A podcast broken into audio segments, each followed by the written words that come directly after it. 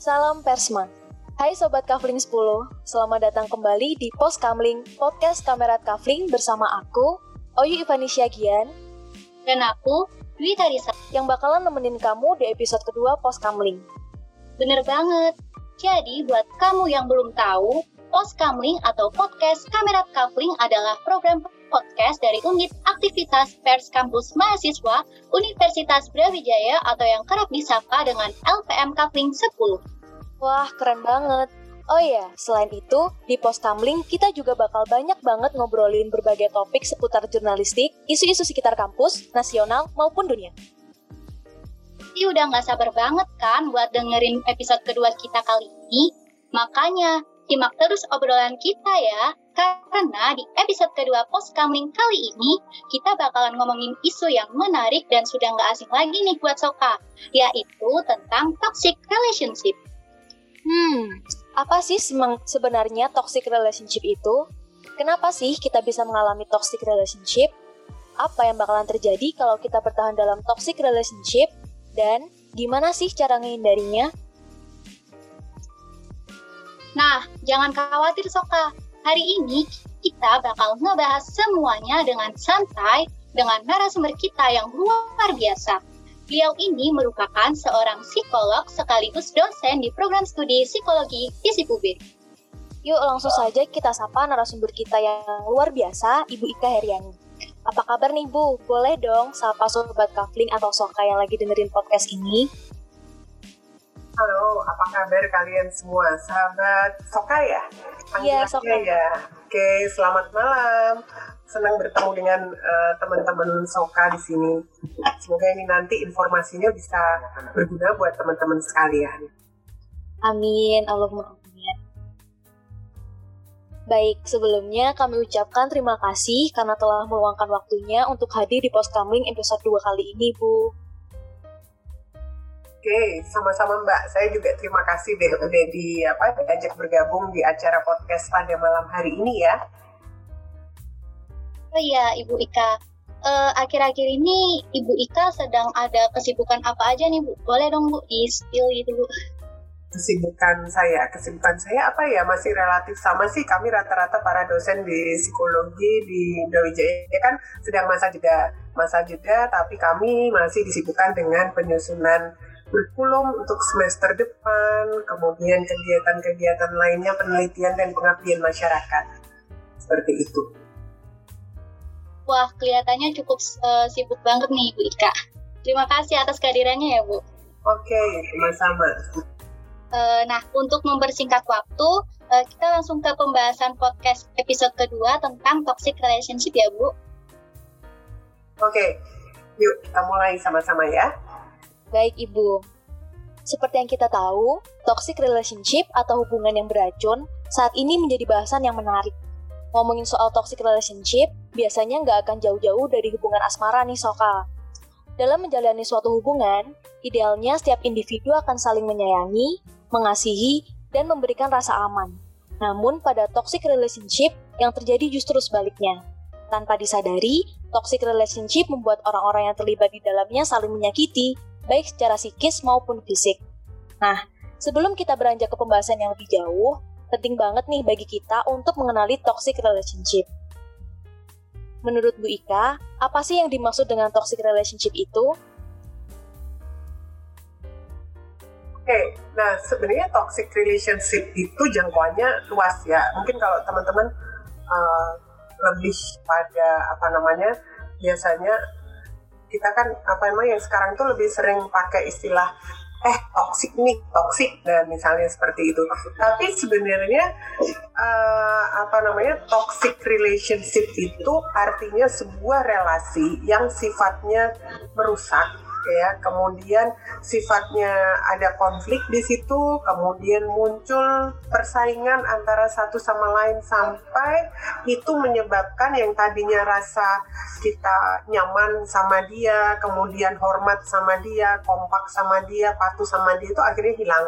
Nah di sini yang namanya toxic relationship itu bukan hanya dalam hubungan antara saya dan dia dalam arti apa namanya asmara saja, tapi sebenarnya pertemanan juga ada. Bahkan di keluarga pun itu juga ada yang namanya toxic relationship.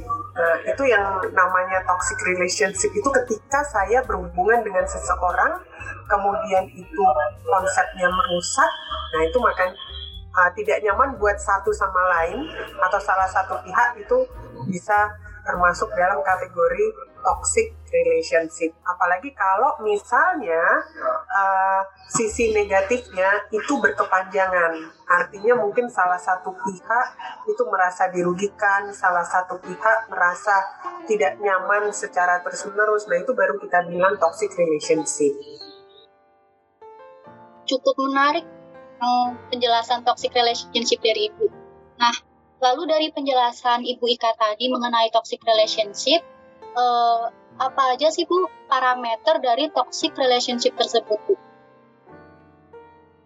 Nah, sebenarnya udah apa ya sudah banyak sih karakteristik dari uh, sebuah relasi atau sebuah apa namanya toxic relationship. Kalau orang-orang yang apa namanya kadang-kala gampangannya itu kadang-kadang mereka berasumsi kalau misalnya saya ngomong kasar misalnya ke salsa kemudian bolak-balik saya ngomong kasar ke salsa kemudian perilaku saya juga tidak menyenangkan ke salsa kadang-kala orang bilang ah itu toxic. Nah padahal toxic relationship itu bisa ada yang terlihat secara kasat mata kadang-kala juga ada tindakan-tindakan atau uh, perilaku kita yang secara tidak sadar itu ada tapi karena kita udah terbiasa dengan itu ya udah biasa aja.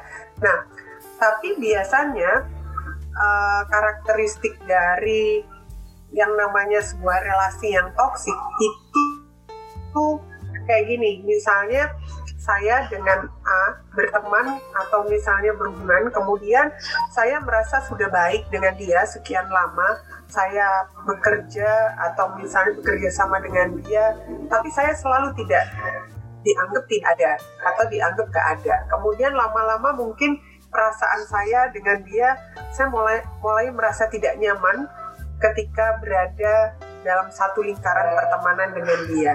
Kemudian setiap kali saya ngobrol dengan dia, saya merasa kok nggak ada nyambung-nyambungnya ya saya sama dia? Seperti itu. Sehingga bawaannya adalah uh, apa namanya kadang-kala saya bawaannya marah kemudian akhirnya saya merasa tertekan kemudian kadang-kala akhirnya merasa uh, bahwa awas ya nanti uh, apa namanya kamu tak tak bales ya. Sehingga muncul sisi revenge dari kita. Bahkan kadang-kala akhirnya saya cenderung menghindari dia. Kenapa? Karena saya udah males. Kalau deket-deket sama dia bawaannya saya pasti salah. Seperti itu. Nah, itu yang uh, merupakan salah satu ciri-ciri atau karakteristik bahwa kita sudah masuk pada sebuah relasi yang toksik seperti itu. Nah, tadi kan juga sudah dijelaskan sama Bu Ika bahwa uh, hubungan toksik itu tidak hanya soal asmara. Kalau kita spesifikasi ke asmara, gimana sih Bu ciri-ciri dari perilaku-perilaku dalam hubungan asmara yang toksik? Oke, nah sebenarnya dari yang saya sudah sampaikan tadi itu, kalau dalam konteks relasi sosial antara apa namanya yang lebih intimate ya lebih ke arah pacaran ataupun pernikahan yang namanya toksik itu adalah ketika antara saya sama dia itu sudah ada konsep bahwa aku yang lebih unggul, kamu yang di bawah. Kemudian kamu harus uh, apa namanya berusaha untuk improve dirimu supaya sesuai sama keinginan saya. Tapi setiap kali saya sudah berusaha mengimprovisasi diri saya supaya sejalan dengan keinginan pasangan saya, tapi tetap aja saya selalu di bawahnya. Seperti itu. Kemudian kalau sudah ngobrol-ngobrol, sering kali saya direndahkan. Sering kali saya diserang dengan statement-statement yang negatif. Atau apa pun yang saya lakukan, misalnya saya tidak mendapatkan backup dari pasangan saya. Nah, ini sebenarnya adalah udah jelas bentuk relasinya itu toksik. Nah, kalau dibiarkan ini nanti akan masuk dalam konteksnya KDP. Nah, apa itu KDP? KDP itu uh, bahasa lainnya adalah dating violence atau kekerasan selama pacaran. Nah, itu uh, apa namanya? larinya akan ke sana. Nah, baik Bu. Uh, cukup jelas. Uh, lalu kenapa banyak orang yang terjebak ya Bu di dalam hubungan yang toksik itu? Padahal kan edukasi mengenai toxic relationship itu sudah sering gitu Bu ditemui di era zaman sekarang itu Bu. Oke, nah kadang-kala kan memang karakter orang yang menjalankan itu juga cukup mempengaruhi. Jadi ada beberapa hal itu kan sama kayak apa namanya, kayak kenapa kok masih ada teman-teman yang kena bully dengan bullier. Nah, itu hampir sama konsepnya seperti itu. Nah, ternyata ketika kita berteman dengan teman yang misalnya itu jauh lebih dominan dari kita, kemudian kita tidak bisa mengimbangi dia. Nah, ketika kita apa namanya tidak bisa mengimbangi dia, maka teman-teman yang dominan, dominan dalam tanda kutip yang negatif ya, ini akan semakin semakin apa namanya menekan teman-teman yang sisi lainnya ini tidak dominan. Nah, meskipun kita mendengungkan memberikan edukasi bahwa ini loh ada toxic relationship. Nah, kadangkala kita tidak memberikan edukasi juga bahwa bagaimana sih kita menandai diri kita bahwa kita toxic apa namanya berada dalam toxic relationship karena kadangkala saya tergantung sama dia. Ada ketergantungan uh, apa namanya istilahnya si korban ini terhadap si pelakunya. Kalau sudah ketergantungan kayak gitu, apalagi kalau dalam konteks asmara ya, saya nggak nggak berani memutuskan dia karena saya udah cinta setengah mati. Karena saya nanti kalau lepas dari dia, saya nggak nggak bisa dapat apa-apa lagi atau saya nggak bisa dapat orang sebaik dia misalnya. Nah karena kita tidak berusaha keluar dari zona aman kita, kita tidak berusaha keluar dari zona nyaman kita, kita juga tidak berani mencoba hal yang baru. Nah ini yang membuat akhirnya kita terlibat di lingkaran yang sama terus kayak gitu. Nah gitu kadang-kala kan kita ya udahlah pasrah aja mau gimana lagi? Nah seperti itu. Itu yang biasanya yang sering kali akhirnya kita terjebak dalam lingkaran toxic relationship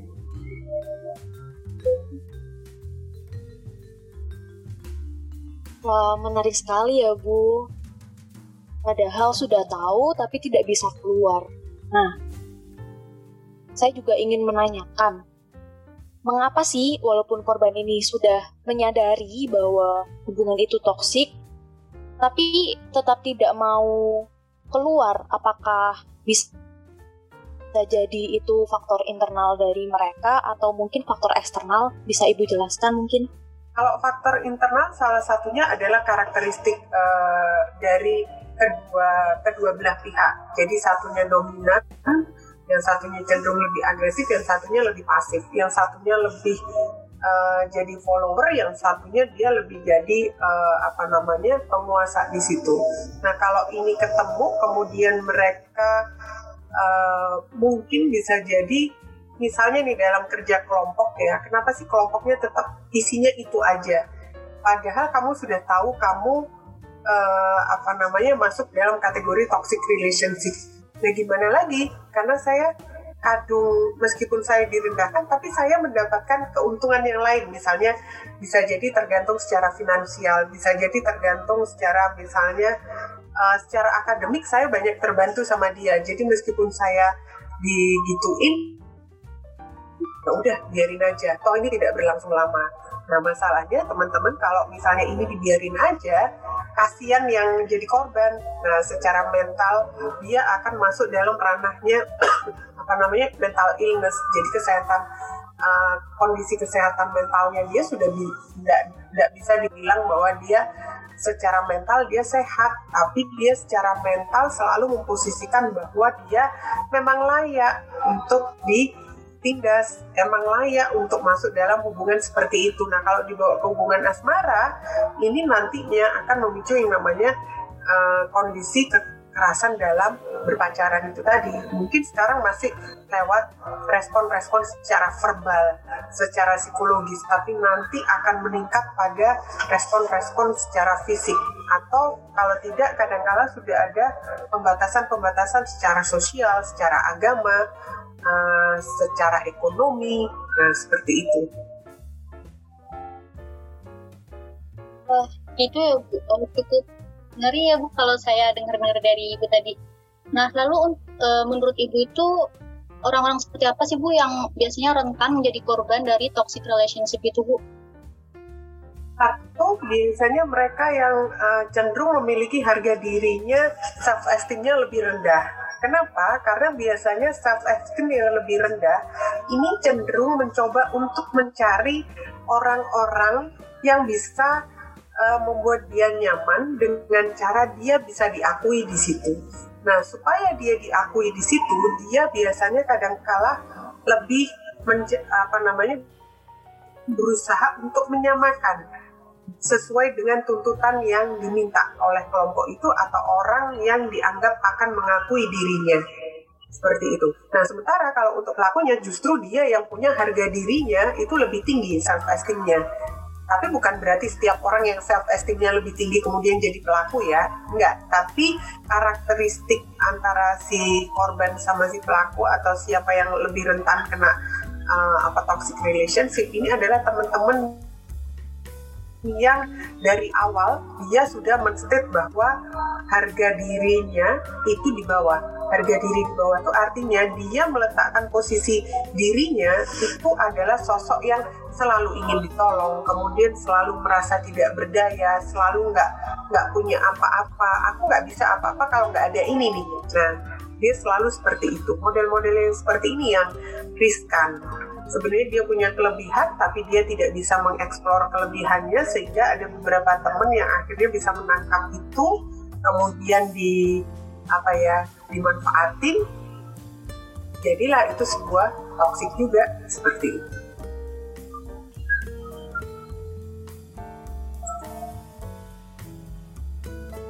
Nah, tadi kan Ibu Ika sempat mention soal kekerasan dalam pacaran atau dating violence itu menurut ya. uh, kalau dari kacamata psikologi sendiri yang dinamakan kekerasan dalam pacaran itu seperti apa sih Bu dan bagaimana eh, perilaku-perilaku uh, yang bisa dikatakan kekerasan dalam pacaran tersebut selain dalam bentuk fisik? Oke, kalau mungkin kalian kalau mengenal KDRT ya sebelum timbulnya KDRT itu biasanya ketika pacaran itu ada yang namanya KDP kekerasan dalam pacaran. Kekerasan dalam pacaran ini konsepnya hampir sama dengan kekerasan di dalam rumah tangga. Cuman kalau udah rumah tangga kan itu dalam konsepnya pernikahan. Kalau ini kan masih pacaran, nggak ada nggak ada ikatan ya kan antara saya sama dia. Nah, yang ada hanya ikatan dalam tanda kutip itu adalah sebuah komitmen yang tidak uh, berlandaskan hitam di atas putih tapi hanya state bahwa aku suka kamu kamu suka aku yuk kita jalan uh, dalam sebuah relationship yang lebih intimate lagi yang lebih close relationship istilahnya kalau di kami. Nah ketika kita masuk dalam konsep KDP, salah satu karakteristik di dalam KDP itu adalah ketika salah satu dari mereka yang uh, dalam close relationship ini menjadi perusak buat yang lainnya. Sebenarnya ini toxic relationship banget, tapi tatarannya sudah masuk dalam kekerasan. Kekerasan di sini ini dibagi dalam beberapa hal. Satu misalnya kekerasan secara kalau kalian taunya kekerasan secara fisik misalnya, tetapi di dalamnya ada kekerasan secara psikologis, ada lagi kekerasan secara religius atau agama, ada kekerasan secara finansial, ada kekerasan secara sosial, dan ada kekerasan secara ekonomi. Contoh misalnya, kamu kan pacarku, beliin dong aku kayak gini, awas lo ya kalau kamu nggak beliin aku. Sehingga akhirnya salah satu pihak mau nggak mau ya demi pacar nggak apa-apa lah. Misalnya uang jajan terkuras habis nggak apa-apa demi pacar. Tapi lama-lama membuat kita tidak nyaman. Dan itu hanya berlaku pada satu pasangan saja tidak timbal balik. Jadi kayak kalian misalnya makan ah kamu laki kamu harus bayarin dong semua keperluanku Nah, bisa jadi perempuan juga pelaku nih dalam KDP.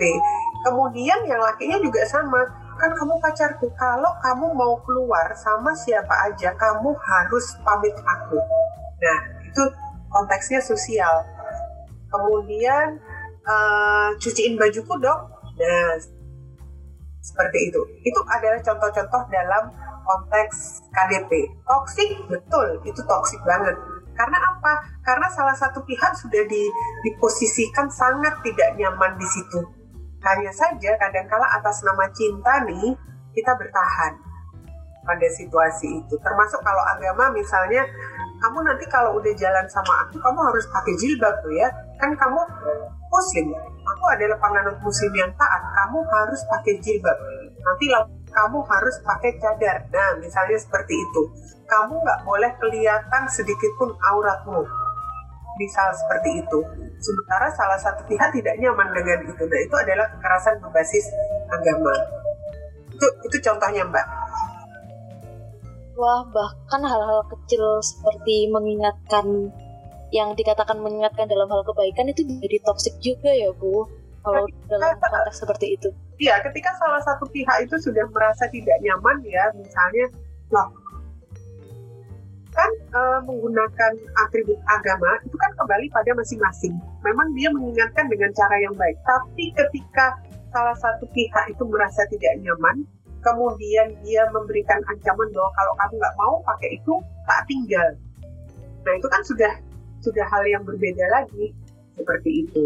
Bahkan ada juga kejadian beberapa waktu yang lalu misalnya uh, dia harus pindah agama misalnya mulai diajarkan keyakinan-keyakinan yang berbeda dengan keyakinan yang dianut sebelumnya. Nah hal-hal seperti itu ketika sudah mulai tidak nyaman, nah itu sudah jadi masalah seperti itu. Maksudnya baik, tapi mungkin caranya yang keliru. Wah, baik Bu ini udah makin menjurus ke dalam banget nih ya Bu ya. oh ya, uh, Bu Ika ini kan sebagai seorang psikolog, apakah Bu Ika itu pernah menangani kasus tentang toxic relationship uh, seseorang dalam hubungan asmara ya Bu? Iya sih Mbak. Ya sering kali saya me, apa namanya menghadapi klien-klien yang basis problemnya itu adalah toxic relationship. Itu udah sering sih saya apa namanya saya alami. Maksudnya saya saya handle ya uh, apa namanya para klien ini. Uh, bisa minta tolong uh, dicontohkan salah satu kasusnya nggak bu? Yang mungkin paling hektik itu menurut ibu Ika. Paling hektik ntar tak inget-inget ya mbak ya. Uh, ada tuh yang paling hektik tuh jadi kayak gini dia tidak tidak sadar bahwa dia dalam konsep toksik. Nah ini kejadiannya sebenarnya sama sama senior senior kalian sih uh, di satu universitas yang sama. Jadi karena dia dia sebenarnya anaknya anak yang ramah kemudian kemudian juga organisatoris dan segala macam. Hanya saja ketika dalam close relationship atau dalam asmara dia merasa bahwa saya kurang beruntung.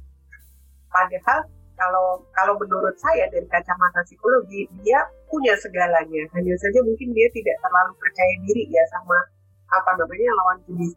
Sehingga ketika ada teman yang dia suka dan dia uh, mereka berbalas akhirnya dia cocok sayangnya itu tidak berjalan lama. Nah ketika jeda kemudian ada lagi yang masuk dengan cara yang lebih berbeda lebih smooth memperhatikan dia dan segala macam dia tidak sadar bahwa apa yang dilakukan oleh si laki-laki ini sebenarnya itu protein ininya dia, protein duitnya dia tapi dia selalu di apa namanya selalu diperhatikan lewat kata-kata. Jadi ketika uh, si pasangan ini membutuhkan sesuatu dan sudah mendapatkan sesuatu kemudian si pasangan ini akan merendahkan dia. Bahwa kamu ini sebenarnya pintar tapi bodoh banget. Nah dari situ dia juga masih nggak nyadar kok ini hal yang biasa kayak dia kalau di apa namanya di dunia pacaran bahwa saya berkorban untuk dia saya juga nggak masalah seperti itu. Nah kemudian uh, dia kalau nggak salah itu uh, yang kemarin itu dia bahkan sampai ingin memberi modal terhadap pasangannya dia. Padahal dia tahu bahwa si pasangannya ini tidak apa bukan orang yang tekun dalam dunia usahanya. Tapi dia dibuat sedemikian rupa oleh pasangan yang laki-laki ini bahwa kalau nggak ada kamu aku ini bukan siapa-siapa. Nah ketika dia dibuat seolah-olah bahwa dia itu adalah orang yang berarti harga dirinya naik. Tapi begitu dia sudah memberikan uangnya kemudian sang pacar ini tiba-tiba aja usahanya dalam hitungan minggu nggak berkembang. Nah, dia juga masih apa namanya mengatakan kepada si pacarnya gimana, kenapa kok nggak nggak bisa apa namanya nggak bisa berjalan itu masih masih saja seperti itu. Jadi itu masih apa ya kalau saya bilang antara bucin sama dia nggak nyadar bahwa dia masuk di toxic relationship itu dia nggak nggak nggak. Nah, ketika dia akhirnya melihat dengan mata kepala sendiri bahwa si laki-laki ini kemudian uh, apa namanya berjalan dengan perempuan lain, dia pun baru nyadar bahwa ada apa ya dengan relasi saya dengan dia. Baru di situ kemudian dia berusaha mencari bantuan karena dia down banget. Kemudian dia baru bercerita ke saya bahwa selama ini dia selalu diremeh sebenarnya di apa namanya disudutkan meskipun dia selalu memberikan segalanya memberikan apa namanya perhatian secara finansial memberikan perhatian secara sosial memberikan perhatian secara psikologis tapi buat si pasangannya ini selalu kurang. Nah, jadi tugas saya pada saat itu mengatakan kepada dia bahwa apa yang sudah dialami itu sebenarnya bukan relasi yang bagus, tapi itu semua sebenarnya adalah sebuah toksik. Nah, ketika dia datang ke saya, dia masih merasa eman, eman ya, kenapa saya tinggalkan hubungan saya. Nah, pertanyaannya adalah maukah kamu menjadi orang lain di, di dalam sebuah hubungannya antara si mantan dengan pacarnya? ya enggak juga sih tapi saya bisa nggak ya dapat orang kayak kayak gitu nah ini berarti dia sudah masuk dalam lingkaran kalau istilah saya lingkaran setan dari si toxic relationship itu itu butuh waktu agak agak sedikit lama sih untuk menyadarkan dia bahwa apa yang dia lakukan dengan memutus apa diputuskan laki-laki itu kemudian dia harusnya move on itu lebih bagus daripada stay di dalam relationship yang sangat toxic seperti itu. Baik, berarti rata-rata orang yang terjebak dalam toxic relationship itu tidak menyadari ya Bu bahwa dirinya itu masih tidak bisa keluar dari lingkaran. Iya, kadang-kala seperti itu Mbak. Sayangnya ini uh, sa apa ya dia setelah hampir setahun ya dia baru akhirnya begitu putus, tapi dia masih uh, apa namanya baru menyadari hal itu setelah tiga bulan. Kok aku nggak nggak bisa ngapain-ngapain ya seperti itu. Nah, selanjutnya mungkin bertanya mengenai perilaku gaslighting dalam pacaran atau dalam hubungan. Biasanya kan sering ditemui bahwa orang-orang itu tidak sadar bahwa dia itu sedang digaslighting oleh pacarnya atau pasangannya sehingga dia itu terus-menerus ingin melakukan hal-hal yang dituntut oleh pasangannya namun pasangannya ini menuntut dalam cara yang halus gitu Bu. Itu kan sering kali tidak disadari ya oleh teman-teman. Nah, menurut Ibu itu peristiwa-peristiwa seperti itu bagaimana ya? Oke, nah kalau ini kan uh, kalau gaslighting itu kan bukannya ini ya Mbak, apa namanya manipulasi ya? Iya manipulasi. Seperti uh, men, seperti uh, mengatakan bahwa dia itu kurang seperti ini, secara terselubung seperti itu Bu. Uh, nah kalau uh, apa namanya kalau gaslighting ini kan biasanya dilakukan oleh seseorang dalam sebuah pasangan itu karena dia pengen dominan seperti itu. Karena dia pengen dominan dan karena dia pengen mengontrol pasangannya seperti itu. Nah biasanya yang jadi korban gaslighting ini balik lagi dia pada dasarnya adalah orang yang sangat tidak percaya akan dirinya sendiri. Nah sehingga ketika dia ragu sama dirinya dia nggak pede sama dirinya itu akhirnya gampang banget ini untuk mendapatkan hal-hal seperti itu. Nah, makanya kan uh, ada beberapa yang bisa jadi korban gaslighting itu biasanya uh, apa tingkat empatinya tinggi tapi self esteemnya rendah sehingga kadangkala dia uh, kalau udah dapat gaslighting abis itu orang itu minta maaf oh iya dia kasihan ya seperti itu jadi akhirnya perilaku itu muncul lagi, muncul lagi, muncul lagi seperti itu.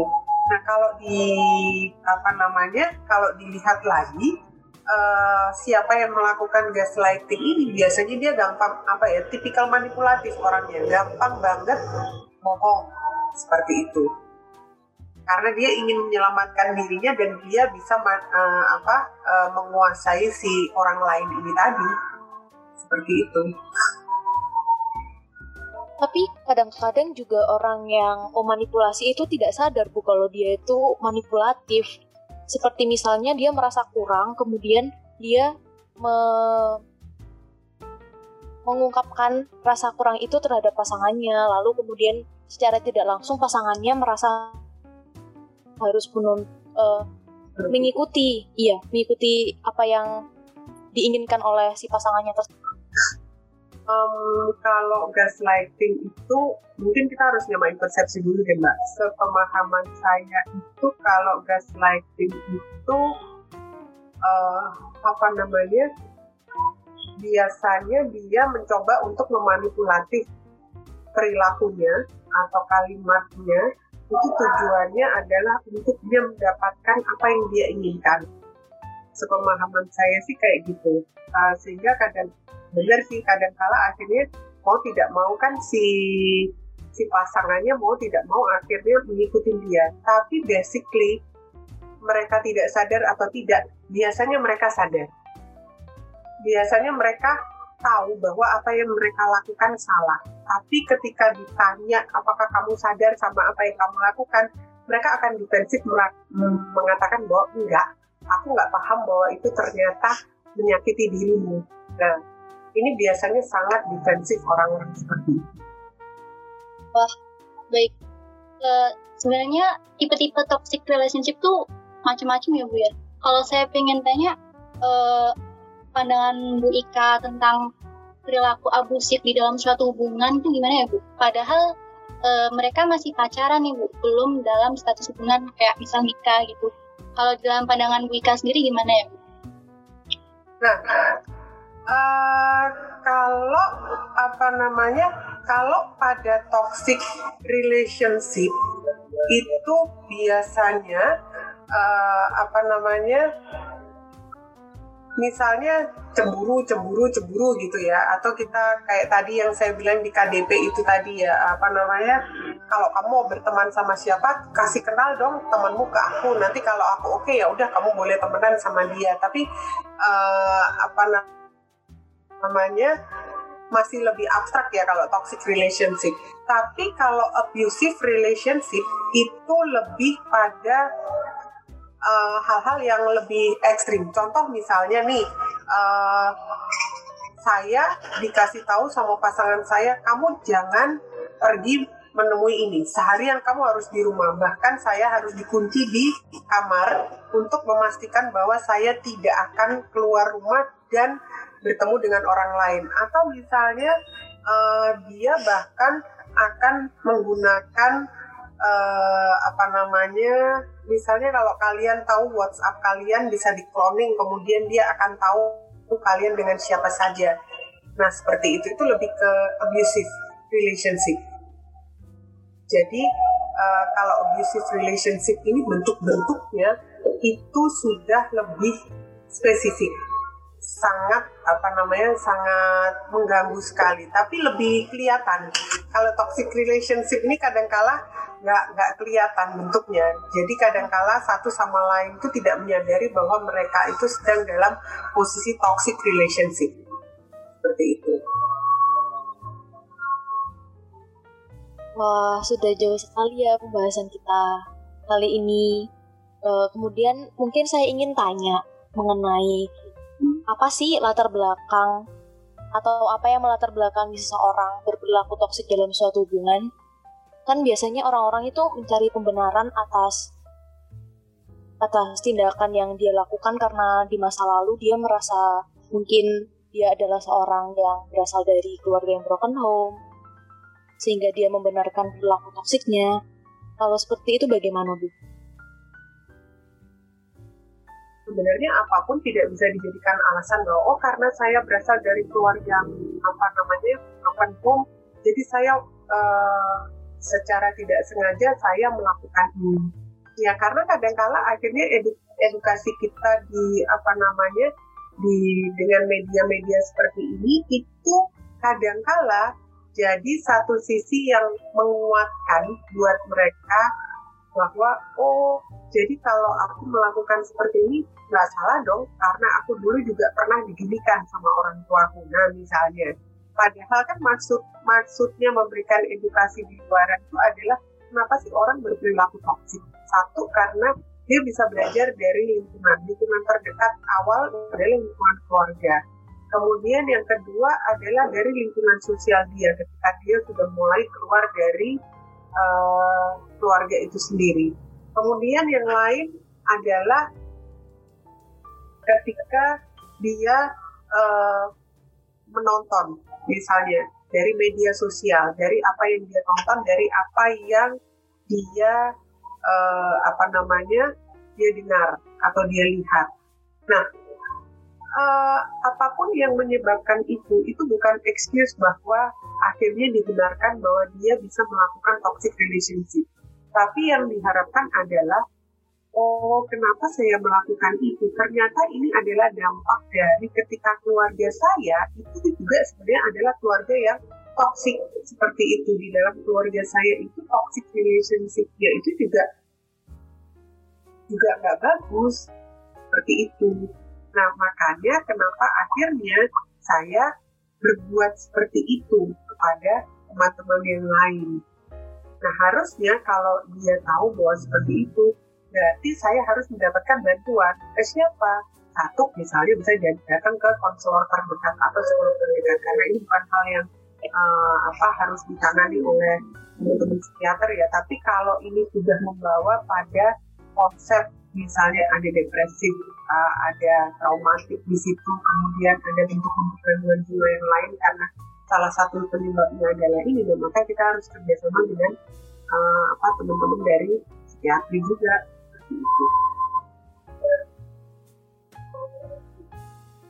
Wah, cukup complicated ya Bu bahasan toxic relationship uh, kali ini.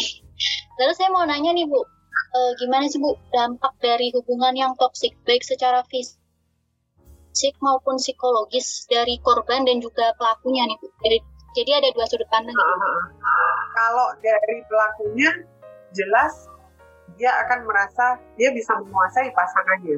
Itu kalau dalam konsep toksik ya, aku bisa mengontrol pasangan. Itu satu sisi yang dia dapatkan.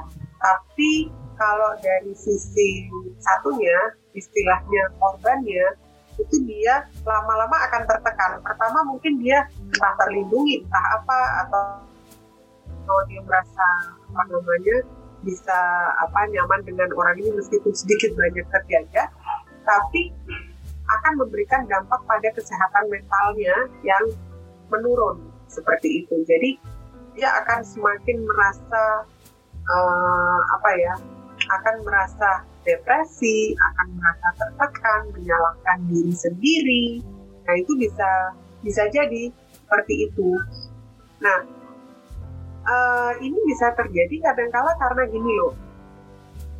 Ada didikan di apa namanya bisa jadi didikan di keluarga atau beberapa apa ya beberapa uh, value yang ada itu ada yang mengatakan seperti itu. Wajar lah kalau pacarmu melakukan itu. Soalnya dulu ibu sama bapakmu juga kayak gitu. Nah kalau udah di di apa namanya dia mendapatkan pola yang seperti itu, informasi yang seperti itu dari keluarga terdekat, maka dia beranggapan bahwa toxic relationship itu wajar.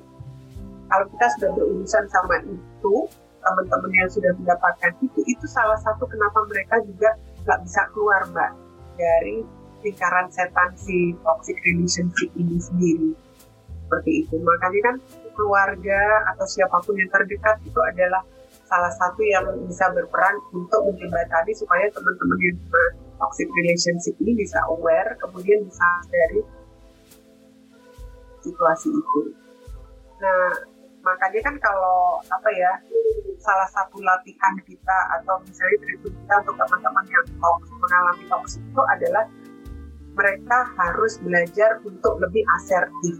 Belajar untuk menyatakan bahwa mereka nggak bisa bahwa mereka bisa bilang tidak saat pasangan atau saat teman lain mengatakan bahwa mereka butuh sesuatu salah satu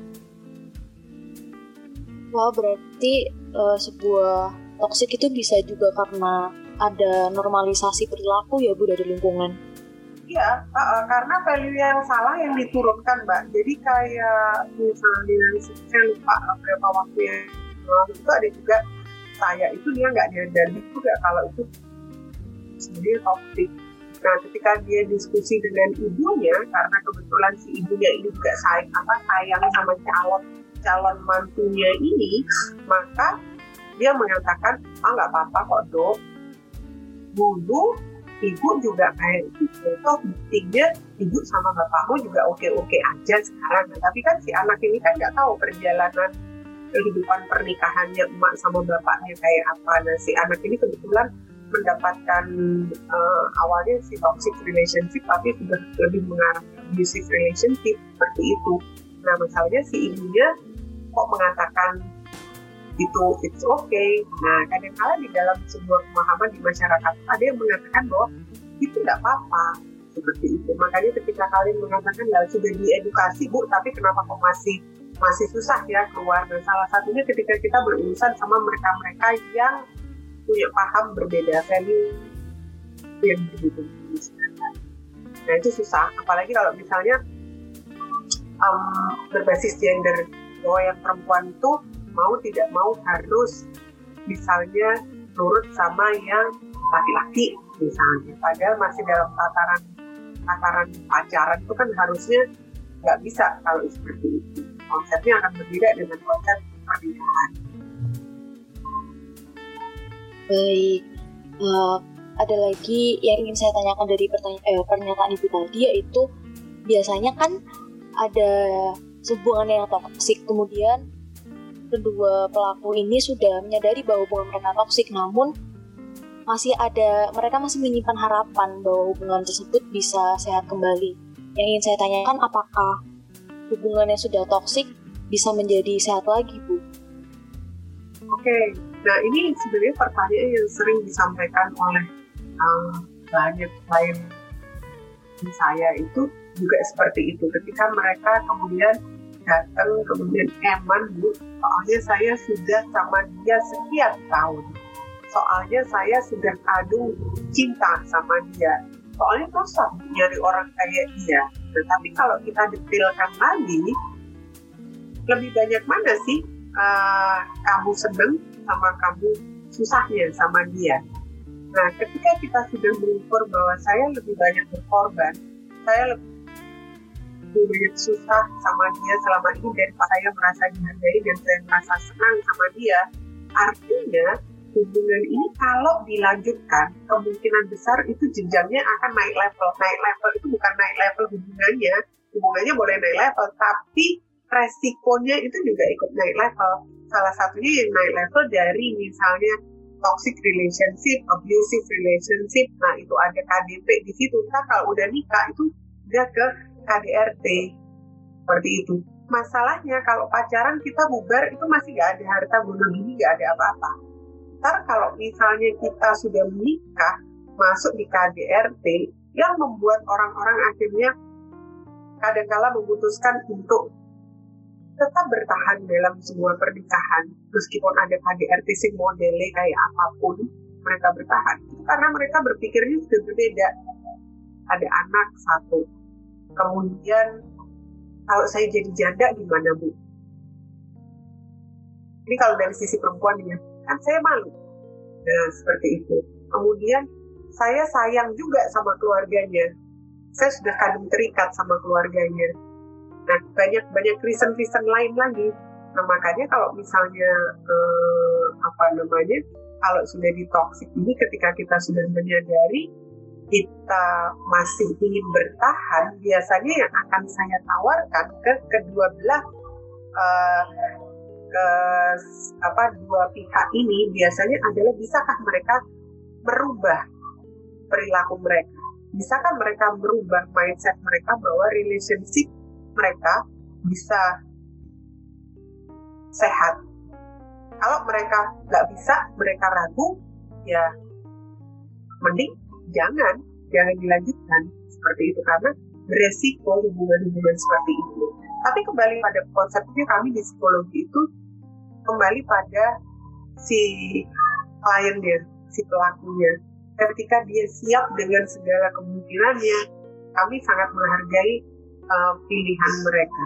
Tapi biasanya kami tetap memberikan alternatif uh, sekian banyak alternatif sekian banyak rekaman bahwa ini adalah hubungan yang sangat beresiko.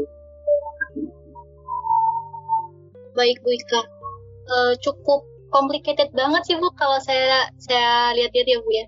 Nah, terus saya mau nanya nih Bu, uh, sih Bu dari sekian banyak uh, yang Ibu paparkan tadi itu kan memberikan tekanan baik psikologis maupun fisik dari korban ya Bu ya. Itu ada nggak sih Bu solusi agar korban itu dapat pulih dari trauma yang dialaminya?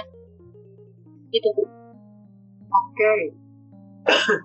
Satu, memang dia uh, yang harus kita lakukan adalah tidak berarti harus menghindari ya kalau dia sudah depres kemudian dia ada proses trauma biasanya kita sembuhkan itunya dulu. Kita uh, berikan penanganan dulu terhadap itu habis itu kita bangun lagi rasa percaya dirinya dia. Salah satunya adalah memberikan penguatan kepada dia bahwa dia orang yang sangat berharga bahwa dia harus mencintai dirinya dulu, kemudian dia harus tahu bahwa dia punya kelebihan yang dia bisa tampilkan bukan hanya kekurangan semata. Kemudian nanti dia juga harus diajarkan bagaimana supaya dia bisa lebih berani untuk bersikap asertif. Nah, ini yang pelan-pelan apalagi kalau kita uh, dibesarkan dengan budaya yang tidak asertif sehingga kalau kalau kita dengan budaya asertif itu disuruh apa aja iyalah nggak apa-apa deh nggak enak. Aku kalau nggak bantu dia kan dia temen kan dia uh, pacarku nggak enak dong kalau nggak ini. Sehingga akhirnya timbullah perilaku-perilaku yang tidak asertif tadi. Kemudian kita juga harus mengajarkan dia untuk berhenti menyalahkan diri sendiri. Berhenti untuk selalu berpikiran negatif terhadap kekurangan yang ada pada dirinya sendiri. Nah itu uh, yang biasanya kita coba lakukan dengan klien-klien seperti itu. Jika memang uh, bisa ya hubungan itu disudahi karena memang tidak akan memberikan ke keuntungan buat dia. Tapi kalaupun dia tidak ingin menyudahi kayak tadi uh, sempat ditanyakan bagaimana kalau masih tetap mau bertahan itu pilihan nah kalau sudah pilihan yang harus dilakukan adalah berubah dua-duanya harus berubah nggak boleh salah satu. Seperti itu. Itu bertahap sih mbak. Jadi nggak nggak bisa misalnya uh, setelah dia dapat toxic habis itu dia masih merasa depresi kayak beberapa waktu yang lalu. Itu klien saya dia butuh waktu tiga bulan untuk dia betul-betul bangkit dan akhirnya iya ya saya itu ternyata sebenarnya nggak sama dia saya juga bisa ya. Nggak sama dia saya juga masih bisa melakukan ini dan saya tidak harus uh, apa merasa bersalah bahwa kalau saya nggak nolong dia dan dia bukan nggak nggak jadi apa-apa itu bukan tanggung jawab saya nah itu itu waktu yang tiap orang tidak bisa disamakan waktunya untuk recovery. Iya sih Bu, benar banget. Uh, emang estimasinya emang berarti untuk korban dari toxic relationship itu emang cukup lama ya durasinya. Ya? Beda-beda mbak. Ada yang ada yang tiga tiga minggu itu dia udah cengar cengir udah uh, udah nggak apa-apa. Ada ada juga yang tiga bulan. Ada juga yang enam bulan seperti itu. Macam-macam sih. Ada juga yang cuma seminggu dua minggu. Oke, okay, ya udah saya udah siap untuk apa namanya uh, beraktivitas. Makanya tergantung karakteristik si korbannya ini juga kayak apa model orangnya. Baik Bu. Selanjutnya eh, gimana ya Bu? Cara kita itu memberikan dukungan emosional kepada korban dari toxic relationship dan sebagai penutup pertanyaan pesan-pesan dari Bu Ika kepada pendengar podcast nggak Bu?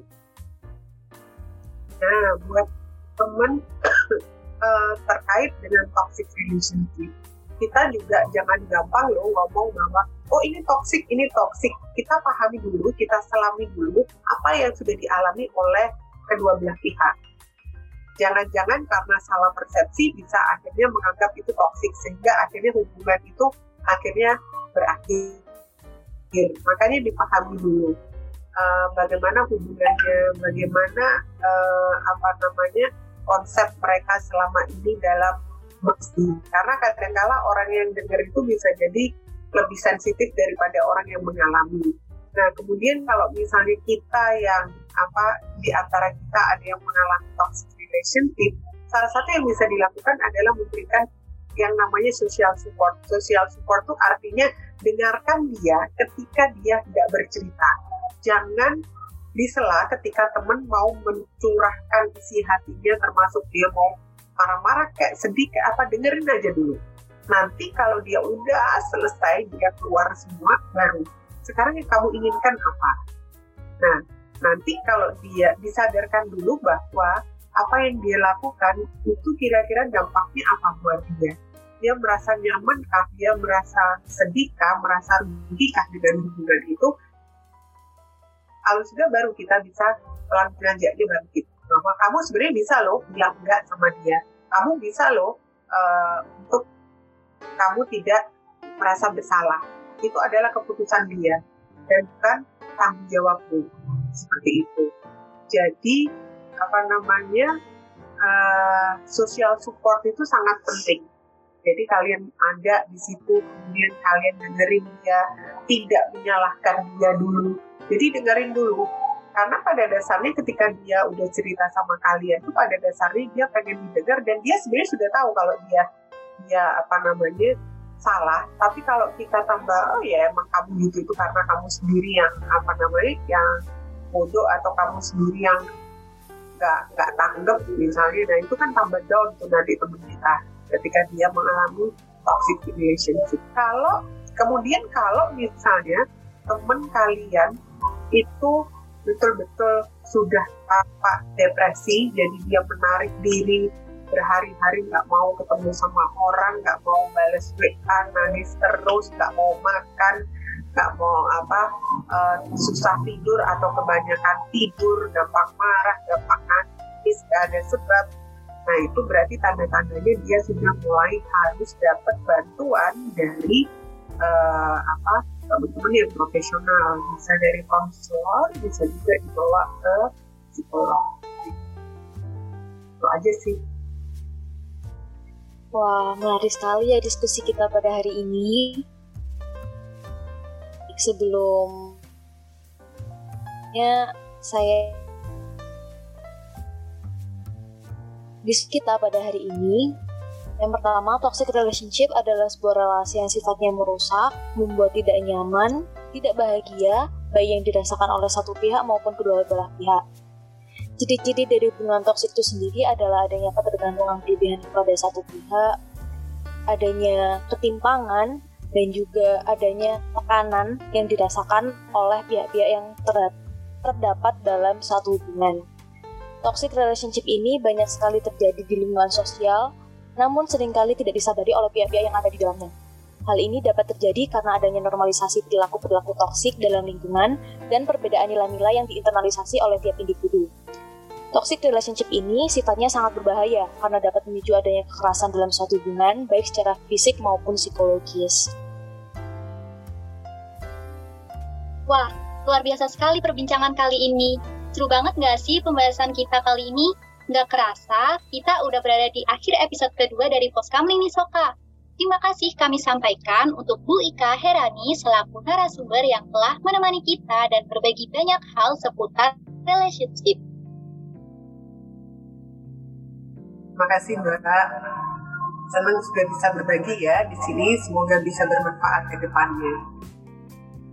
Amin, terima kasih Amin, Bu. terima kasih Ibu. Ya, Nah, tak lupa juga terima kasih banyak buat Soka yang udah mendengarkan Poskamling sampai akhir ya.